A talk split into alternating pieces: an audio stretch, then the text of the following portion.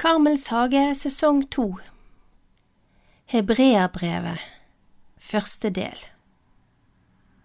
Da vi behandlet offerteologien i Karmels hage i fastetiden, tenkte jeg at jeg skulle lese hele hebreabrevet til dere, mer eller mindre sammenhengende.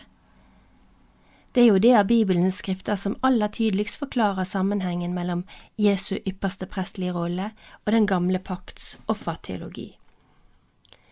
Om dere skulle lytte om igjen til disse programmene, som er episode 56 til 60, så vil dere skjønne at dette ikke bare er vakker teologi, men inneholder store skatter som kan ha avgjørende betydning for våre liv i Kristi etterfølgelse, som eukaristiske mennesker. Hebreabrevet er også vakker teologi, og fullspekket med sitater fra Det gamle testamentet som forklarer så klart og tydelig alt det nye som kom med Jesus. Ja, Jesu gjerning og virke er jo så dypt forankret i den gamle pakt. Det ser vi jo av alle sitater og ord han brukte om seg selv. Jesus var jøde, og det var dette folket han først og fremst henvendte seg til. Like fullt var for eksempel evangelistene klar over at det man skrev, måtte tilpasses dem som skulle lytte. Dette hadde innvirkning på i hvor stor grad man henviste til gamle, den gamle pakt. Når det gjelder hebreabrevet, tenker mange bibelforskere at det muligens er skrevet til omvendte jøder i Palestina. Ignatius Catholic Study Bible sier følgende om dette, og det er min oversettelse. Det er tydelig at mottakerne er troende som tar del i Kristus, og som allerede har lidd forfølgelse for sin tro. Det tradisjonelle synet er at disse troende var jødekristne som bodde i Palestina. Gjentatte understrekninger av prestelige og offerrelaterte saker i brevet kan tyde på at hebreerbrevet var skrevet til et samfunn av levittiske prester som nylig hadde konvertert til kristendommen. Andre igjen foreslår at det var skrevet til jødekristne i Italia, som var blitt forfulgt og som muligens var i ferd med å vende tilbake til sin jødiske, tempelsentrerte tro. Uansett, hebreabrevet er en eneste lang, sammenhengende preken om det mest sentrale i vår kristne tro, Jesu Kristi frelsesverk, hans frelsende offer og forløsende lidelse. Ja, faktisk er hebreabrevet så vakkert og sammenhengende der det veksler mellom lærespørsmål og moralske aspekter, at det hos de fleste forskere betegnes mer som en preken enn som et brev. Man tenker seg at det er skrevet som en preken gitt for oppbyggelse for troende i vanskelige tider.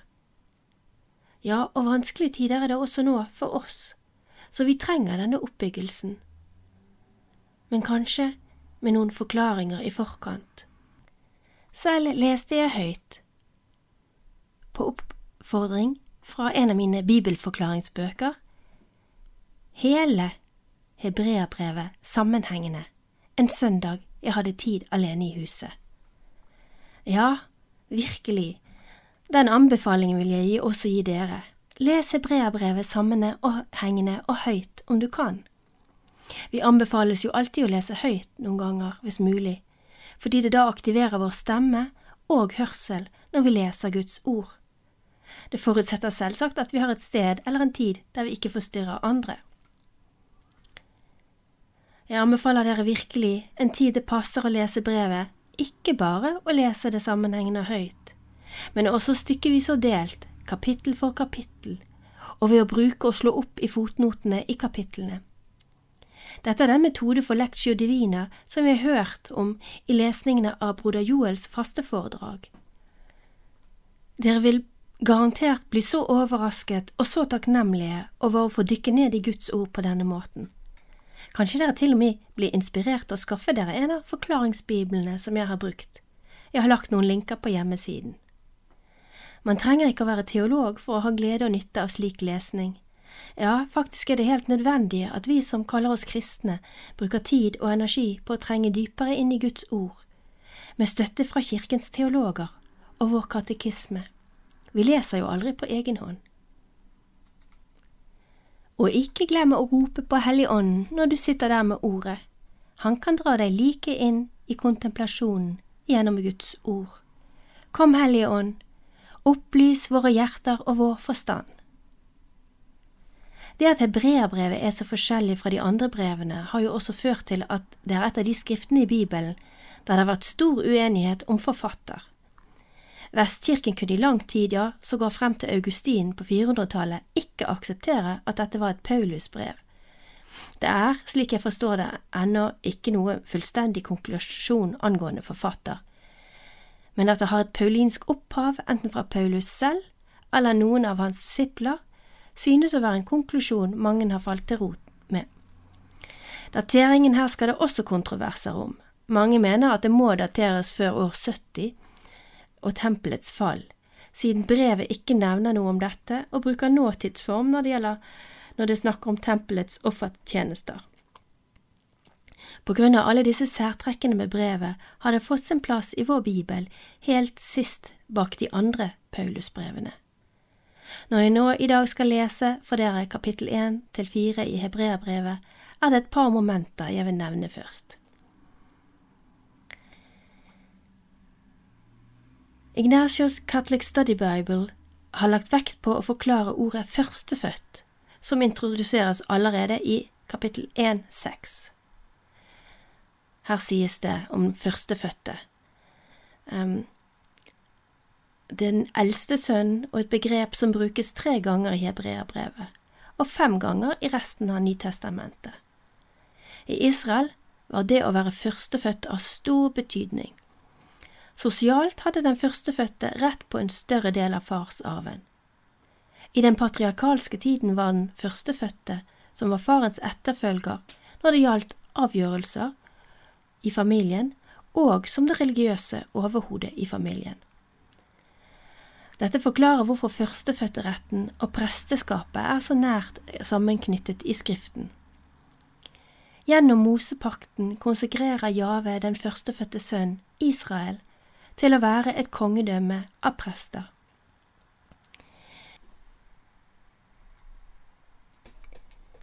I pakten med, med David etablerer Jave David og Salomon som sine førstefødte sønner for å være konger og prester over Israel. Dette setter scenen for den messianske tiden, når Faderen setter sin sønn på tronen som den førstefødte, prest, konge og arving til alle ting. I forening med den førstefødte blir andre brødre og søstre i troen medarvinger med Kristus, og også et kongelig, prestelig folk. Så må vi ha med en kommentar om englene. Hele kapittel 1 og kapittel 2 er preget av forfatterens forsøk på å forklare sine tilhørere at Jesus står over englene. Hele syv henvisninger til Det gamle testamentet forekommer, i all hovedsak fra Salmenes bok. Englene har, som vi vet, en meget avgjørende rolle i bibelsk tid, der det ifølge apostelens gjerninger 738 var englene som talte til Moses på Sinai og ga jødene deres Tora. Vår kristne tro bygger på denne grunnvollen, så bare av den grunn er englene så viktige. I tillegg hadde det ikke vært noen kristen tro på jorden om ikke englene hadde forklart Maria og Josef hvordan inkarnasjonen hang sammen, og hvordan de skulle beskytte det vesle Jesusbarnet så det kunne vokse opp og selv gi oss åpenbaringen direkte fra Gud. Det er jo et av hovedpoengene i hebreerbrevet, at Gud i det som omtales som disse siste dager, har talt direkte til oss gjennom Sønnen. At Gud åpenbarer seg direkte gjennom Jesus i vår kristne tro, mens han åpenbarte seg gjennom engler og Moses i det, i det som hebreerbrevet kaller for tidligere tider, betyr ikke at vi skal glemme eller overse englene. Skulle du ha glemt hvor viktig englene er, så anbefaler jeg deg at du lytter til Kamels hage program to og tre i denne sesongen. Det var i januar og februar. I dag tar vi bare med et punkt fra katekismen, punkt 331, for å gi oss en liten påminnelse.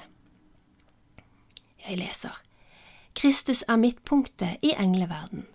Det er hans engler. Men når menneskesønnen kommer i guddomsglans, omgitt av alle sine engler Matteus 25, 31. De tilhører ham fordi de er skapt ved ham og for ham. For i ham var det alt ble skapt, i himmelen og på jorden, de synlige som de usynlige ting, om det så er tronende vesener eller herskere, makter eller myndigheter. Ved ham og for ham er alt blitt til. Kolossene 1, 16. De tilhører ham enda mer fordi han har gjort dem til budbærere om sitt råd til frelse. Er de ikke alle sammen ånder i Guds tjeneste, utsendt for å bistå dem som skal motta frelsen? Hebreerne 1, 14. Og så kommer vi til det siste punktet, Moses. Når det gjelder å plassere Jesus for et jødisk folk, kommer man ikke utenom Moses. Hele kapittel tre handler om Moses som Guds tjener og hans samtid. Jesus selv var jo helt tydelig på dette, på kontinuiteten og på det som var nytt. Det er særlig profeten Johannes som gjengir hvordan Jesus forklarer sin stilling i forhold til Moses. Jeg skal lese for dere en meget fin forklaring på dette fra en bok som heter Begynnelser av Lars Danbolt og Øystein Wang, som ble utgitt på Efrem forlag i 2020. Den omhandler mange aspekter av Johannesevangeliet. Og på side 160 står det I Johannesevangeliet er Jesu gjerning og identitet uttrykkelig forankret i Mosetradisjonen, som her, rett før beretningene om brødunderet, Hadde dere trodd Moses, hadde dere også trodd meg, for det er meg han har skrevet om. 5, 45–46 Bildet av Jesus som ikke bare en ny Moses, men som en som er større enn Moses, utvikles videre. Johannesevangeliet har hele ni henvisninger til Moses, noe som er vesentlig flere enn hva tilfellet er for synoptikerne. Det viktigste er likevel at det fjerde evangelium, på en helt annen måte enn synoptikerne, setter Jesus inn i en kontinuitetsrelasjon til Moses, ved at de begge har oppdrag som Guds utsendinger. Dette ser vi allerede i prologen, der det heter at Moses kom med loven og Jesus med nåden og sannheten, 1.17, og det får fortsette gjennom hele første del av Johannes evangeliet. Her eksisterer det altså ingen motsetning mellom Moses og Jesus, men snarere en kontinuitet. Vi kan heller ikke betrakte dette utelukkende som en typologi. Sammenhengen er mer grunnleggende enn som så. Jakob Jervel understreker dette poenget. Moses presenterer det foreløpige, det som gikk forut for og peker frem mot Jesu komme. Dette viser at det Moses skrev om, det tenkes da på de gammeltestamentlige bøkene som etter overleveringen var skrevet av Moses, nettopp var Jesus. Tror du på Moses, så må du tro på Jesus når Jesus på denne måten blir innholdet i Mosebøkene. Og da blir konflikten med de jødiske lederne akutt. Av alle er det altså Guds utvalgte folk som blir Guds fiender. La oss nå gå til selve teksten.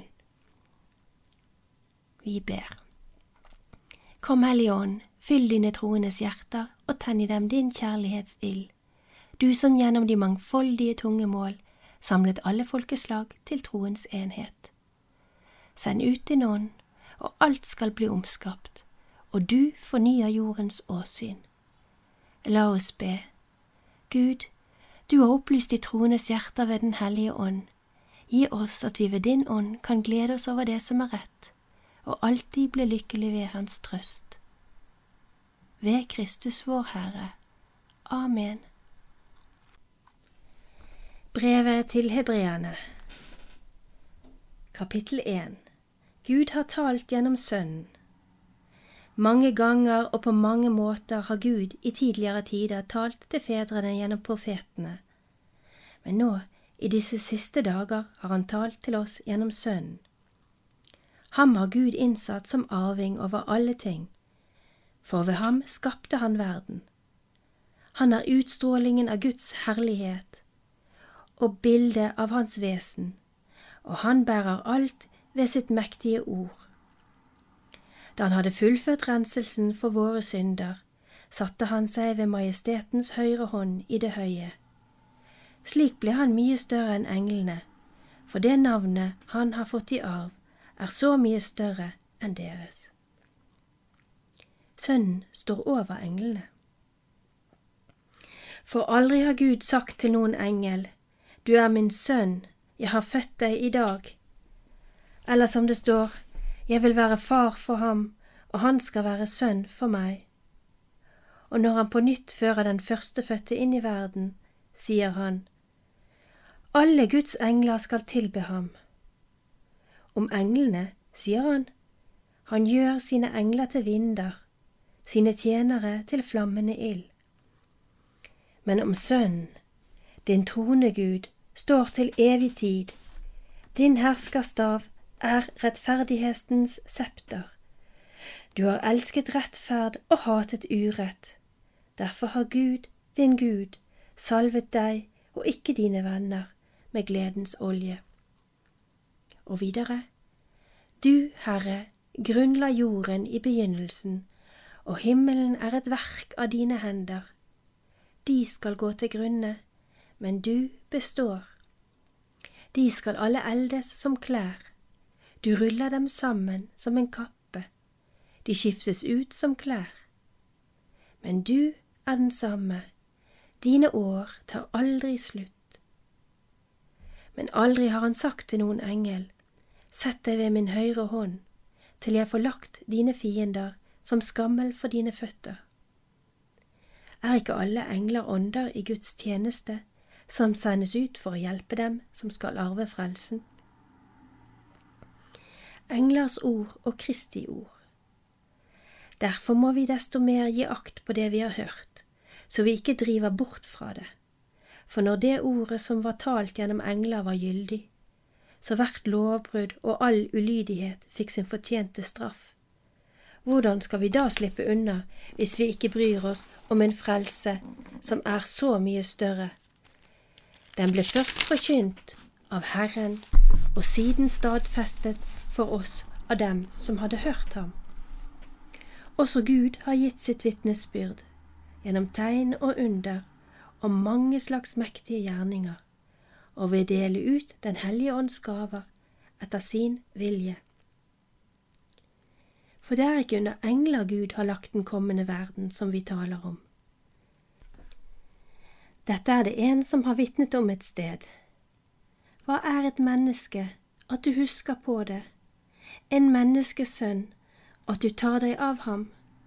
En kort tid har du stilt ham lavere enn engler, men du har kronet ham med herlighet og ære alt har du lagt under hans føtter. Da Gud la alt under ham, da var ingenting un unntatt, alt skulle underlegges ham. Ennå kan vi ikke se at alt er lagt under ham, men Jesus, som for en kort tid var stilt lavere enn englene, ham ser vi nå kronet med herlighet og ære, fordi han led døden. Slik skulle han ved Guds nåde smake døden for alle.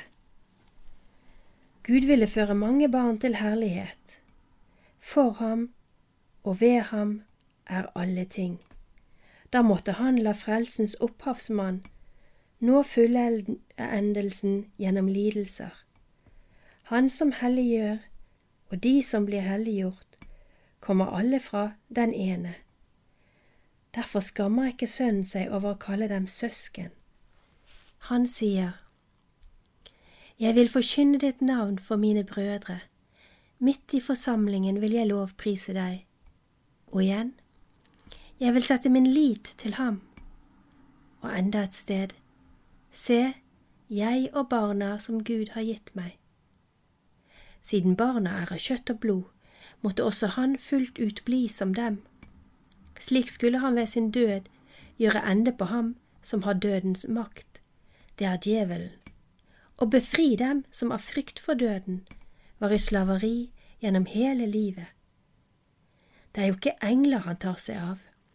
Nei, han tar seg av Abrahams ett.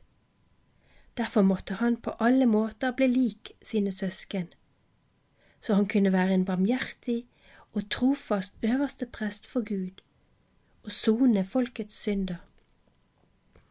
Fordi han selv led og ble fristet, kan han hjelpe dem som blir fristet.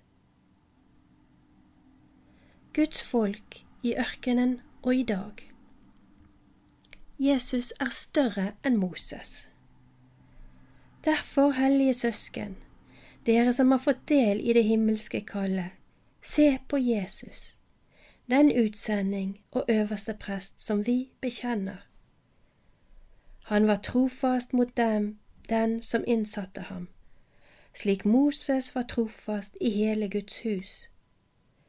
Men Jesus ble verdig til å få større ære enn Moses, slik den som bygger et hus, får større ære enn huset. Et hus må jo alltid være bygd av noen, men Gud er den som har bygd alt. Moses var trofast som tjener i hele Guds hus, for å vitne om det som en gang skulle forkynnes. Men som sønn er Kristus satt til å styre Hans hus, og Hans hus er vi, så sant vi holder fast på frimodigheten og det håpet som vi er stolte av. I dag, om dere hører Hans røst. Derfor, som Den hellige ånd sier, i dag, om dere hører Hans røst, så gjør ikke hjertene harde som under opprøret, den dagen de utfordret meg i ørkenen. Der utfordret fedrene deres meg, de satte meg på prøve, enda de hadde sett mine gjerninger i 40 år. Derfor fikk jeg avsky for denne slekten og sa, De farer alltid vill i sitt hjerte, de kjenner ikke mine veier. Så sverget jeg i min vrede, aldri skal de komme inn til min hvile. Se til, søsken, at ingen av dere blir onde og vantro i hjertet og faller fra den levende Gud. Dere skal heller oppmuntre hverandre hver dag så lenge det heter i dag, så ingen av dere skal la seg bedra av synden og bli forherdet. Vi har jo del i Kristus, så sant vi helt til det siste holder fast på det grunnlaget vi hadde i begynnelsen når det heter I dag, om dere hører Hans røst, så gjør ikke hjertene harde som under opprøret. Hvem var det da som hørte, men likevel gjorde opprør? Var det ikke alle de som dro ut av Egypt, ledet av Moses? Og hvem var det han hadde avsky for i 40 år? Var det ikke dem som syndet og ble liggende som lik i ørkenen? Ja, hvem var det eden gjaldt da han sverget at de ikke skulle komme inn til hans hvile? Var det ikke de ulydige? Vi ser altså at det var vantro som førte til at de ikke kunne komme inn. Guds folk har en hvile i vente. La oss altså være på vakt så det ikke skal vise seg at noen av dere blir liggende etter siden løftet om å komme inn til Guds hvile fortsatt gjelder. For det gode budskapet er forkynt både for oss og for dem. Men ordet disse hørte, ble til ingen nytte, fordi de ikke ble ett i troen sammen med dem som hørte det. Og det er vi som tror, som går inn til hvilen, for han sa. Så sverget jeg i min vrede, aldri skal de komme inn til min hvile. Guds gjerninger var riktignok fullført da verdens grunnvoll var lagt, for ett sted har han sagt om den tjuende dagen, så hvilte Gud på den tjuende dag fra alle sine gjerninger. Men her sier han, aldri skal de komme inn til min hvile. Altså står det fortsatt igjen at noen skal komme inn til hvilen. For de som først fikk det gode budskapet, kom ikke inn på grunn av ulydighet. Derfor fastsetter han på nytt en dag. I dag. når han lang tid etter gjennom David sier dette som vi alt har nevnt. I dag, om dere hører hans røst, så gjør ikke deres hjerter harde. For hvis Josva hadde ført dem til hvilen, ville ikke Gud senere ha talt om en annen dag. Altså er det fremdeles en sabbatshvile i vente for Guds folk. Den som kommer inn i hans hvile, får jo hvile fra sine gjerninger, slik Gud hvilte fra sine.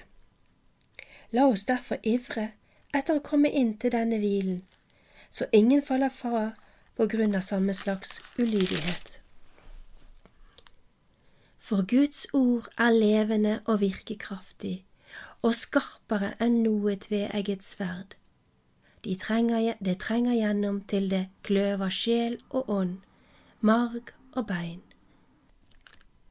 og dømmer hjertets tanker og planer. Ingen skapning er skjult for ham. Alt ligger åpent og nakent for øynene på ham, som vi skal stå til regnskaps for. Amen. Og jeg har lest fra Bibelselskapets bibelversjon 2011.